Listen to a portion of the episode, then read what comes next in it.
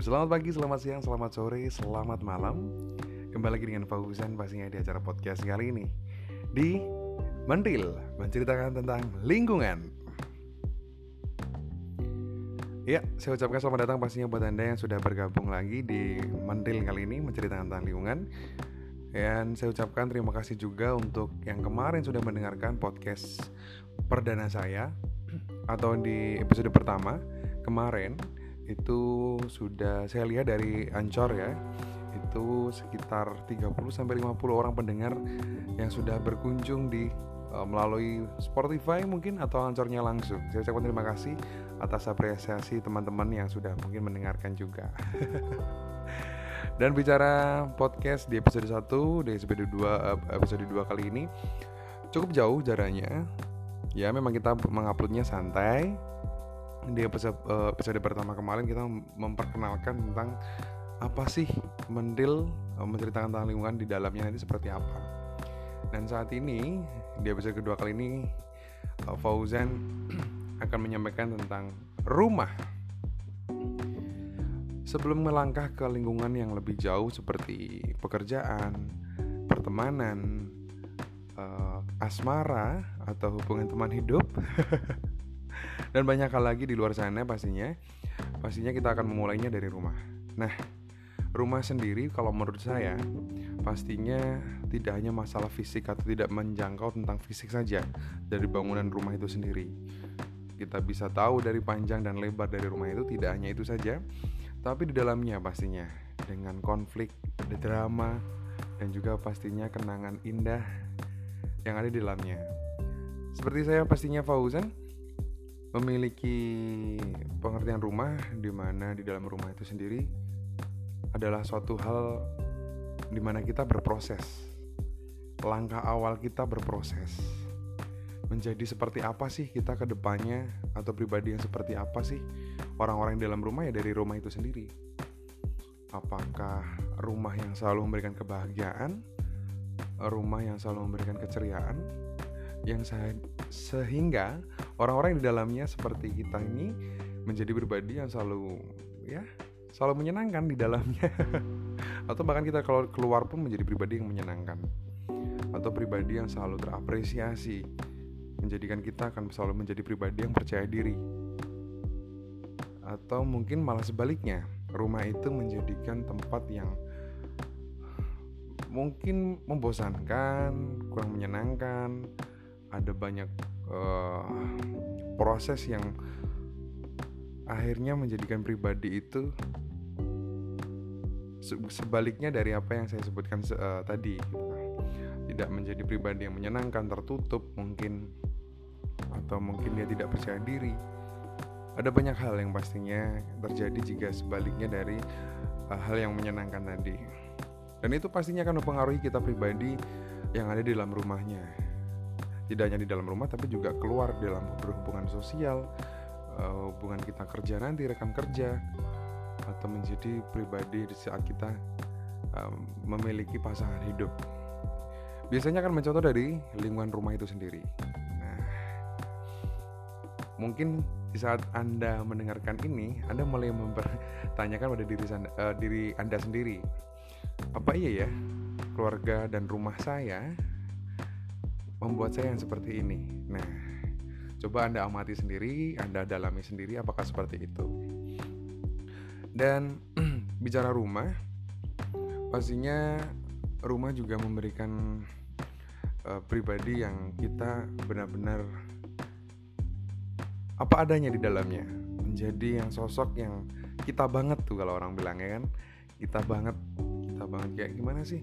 Yang manja-manja, yang mungkin kita yang kaum rebahan tuh yang malas-malas atau mungkin kita menjadi pribadi yang terbuka menjadi pribadi yang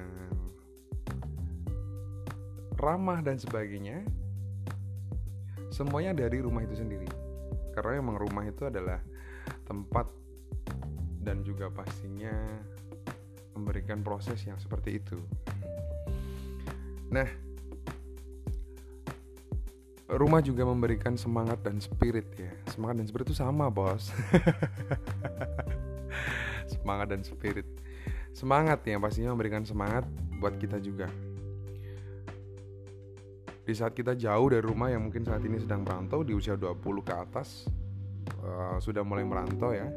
Satu tahun dua tahun kayak gitu. Entah itu merantau karena pendidikan atau mungkin merantau karena pekerjaan. Itu juga menjadikan rumah itu semangat. Nah di saat kita pulang menjadi kayak semuanya itu menjadi mulai dari nol lagi. Semangat kita itu seperti yang benar-benar dari yang tadinya kita udah di angka 20%, 10%, 5% di saat kita pulang dan bertemu dengan orang-orang rumah yang menyenangkan yang begitu menanyakan kabar, mengapresiasi setiap kegiatan kita yang ada di luar itu seperti tercharge lagi seperti membuat kita menjadi posisi di 90 sampai 100% lagi. Nah, itu rumah yang sehat, rumah yang sehat. Karena ada juga beberapa rumah yang memiliki sebaliknya semakin lebih drop lagi di saat kita pulang. Ada yang di dalam rumahnya ada toxic family. Nah, baru dengar kan toxic family. Ada yang di dalam rumah itu tidak ada apresiasi, kurangnya saling mendukung dan juga pastinya saling menjatuhkan juga ada rumah-rumah seperti itu. Itu yang membuat kita uh, merasa kurang tercharge lagi di saat kita pulang. Nah, untuk menjadikan rumah itu menjadi rumah yang menyenangkan, rumah yang penuh apresiasi dan juga pastinya rumah yang kita idam-idamkan, siapa sih yang harus memulai itu? Ya kalau menurut saya sih, yang harus memulai ya kita sendiri, dari kita dulu. Kita yang memberikan suatu perubahan terkecil. Karena di dalam rumah itu bukan hanya kita, tapi ada orang-orang lain seperti orang tua kita, ada bapak, ada ibu, ada adik, ada kakak, atau mungkin ada saudara lain yang di dalam rumah itu. Nah, untuk menjadikan rumah yang seperti Fauzan tadi bilang, di mana rumah yang menyenangkan, rumah yang memberikan semangat, ya kita harus memulainya dari kita sendiri. Kita menanyakan kabar, kita saling cerita, saling sharing dengan keluarga kita kita harus menjadi pendengar yang baik juga buat mereka di saat mereka sudah menjadikan uh, maaf uh, sudah melalui beberapa proses di luar sana kembali menceritakan dengan anda mungkin siapa pun itu ibu anda bapak anda adik anda kakak anda pun anda harus mulai dari pendengarnya dulu di saat anda menjadi pendengar dan juga tidak hanya mendengarkan saja tapi memberikan feedback juga tanggapan-tanggapan dan sebagainya bukan tidak mungkin di saat itu juga nantinya kebiasaan itu akan ditiru oleh mereka-mereka dari orang tua, adik, kakak semuanya akan meniru Anda. Dan itulah yang nanti akan terjadi dan ya seperti halnya menabung di saat Anda menabung hal baik, hal baik itu juga yang akan Anda dapatkan. Dan mungkin buat Anda yang sedang jauh merantau yang mungkin setahun baru dua kali pulang atau tiga kali pulang atau satu kali pulang dalam setahun bagaimana dong untuk mendapatkan semangat dari rumah itu sendiri nah sekarang sudah zaman maju ada banyak cara untuk kita bisa berkomunikasi tidak hanya chat. Jangan pernah menyepelekan chat keluarga menurut saya. Keluarga inti ya bukan keluarga yang uh, global yang besar yang keluarga besar bukan tapi keluarga inti. Kita bisa dengan cara telepon. Saya bukan orang telepon. Nggak ah nggak nyaman. No. Kita harus memulai itu. Itu salah satu cara. Dan coba perhatikan di saat kita mencoba untuk berkomunikasi by phone seminggu sekali atau mungkin tiga hari sekali ya itu luar biasa sekali menurut saya. Saya akan mengapresiasi orang untuk yang sudah mencoba hal seperti itu. Yang sudah mencoba untuk berkomunikasi by phone dengan ayah ibu atau mungkin saudara-saudara yang juga sama halnya merantau di sana untuk saling berbicara dan saling bertukar uh, cerita dan pastinya ada apresiasi di dalamnya itu juga akan menambahkan rasa semangat Anda juga mencas Anda juga untuk menjadi 100% lagi. Dan itulah menurut saya rumah.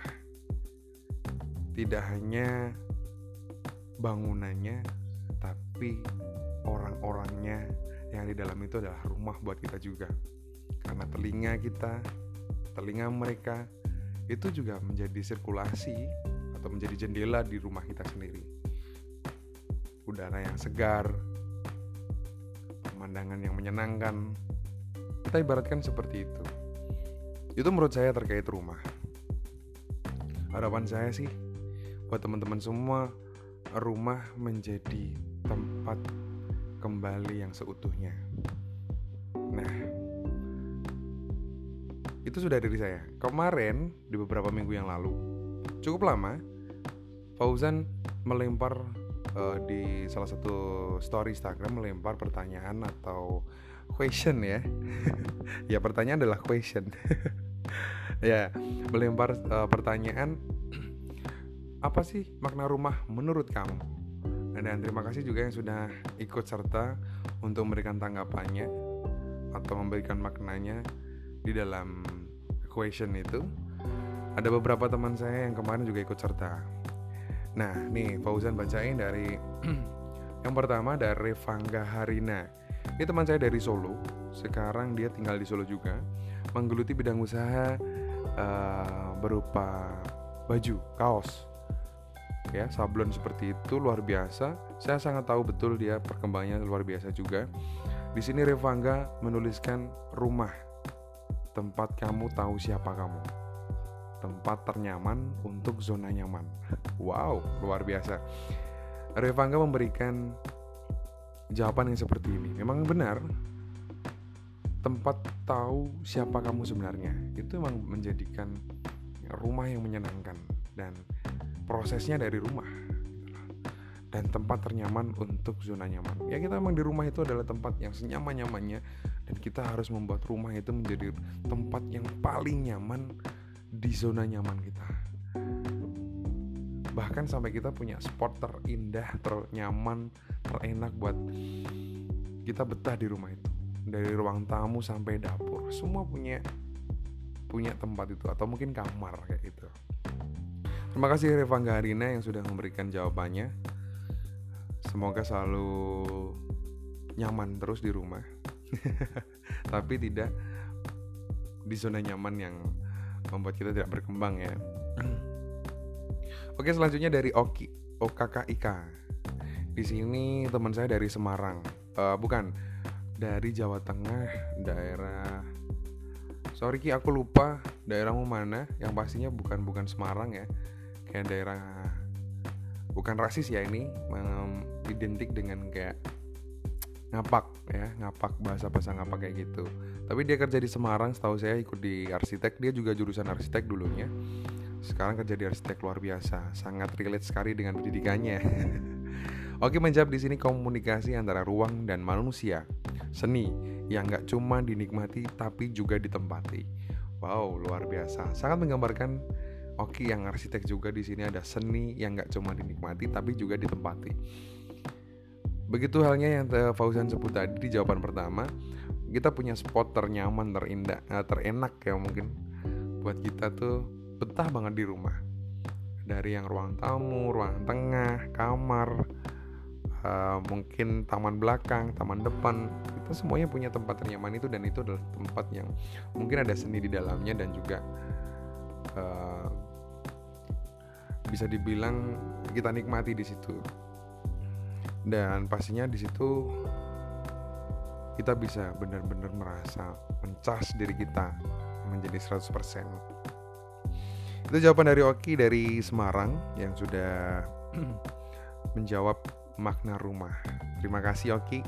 Dan selanjutnya ada dari Dodit Murdianto. Saya sering manggilnya Dodit padahal namanya Dodi pakai kayak Dodi ini uh, adik tingkat. Saat itu adik tingkat sekarang sudah jadi temen ya. Dia salah satu penggiat dari Supoltas Surakarta. Bukan salah satu dia satu-satunya memang yang menggiatkan Supoltas Surakarta. Kalau anda pernah berkunjung di Surakarta atau di Solo yang saat ini ada wabah corona ya yang sekarang mulai di berhentikan dulu untuk dua minggu ke depan atau 14 hari ke depan saya juga turut berduka cita semoga corona bisa segera hilang dari muka bumi ini dan kita diberikan kebahagiaan dan menjadikan pribadi yang selalu bersyukur setelah wabah ini eh, berada di Indonesia. Nah, bicara tentang Dodi tadi, Dodi itu berada di Solo. Dia penggiat dari Supelta Surakarta. Yang kalau Anda main ke Solo, ada bapak-bapak di pertigaan perempatan, dia menggunakan seragam warna biru.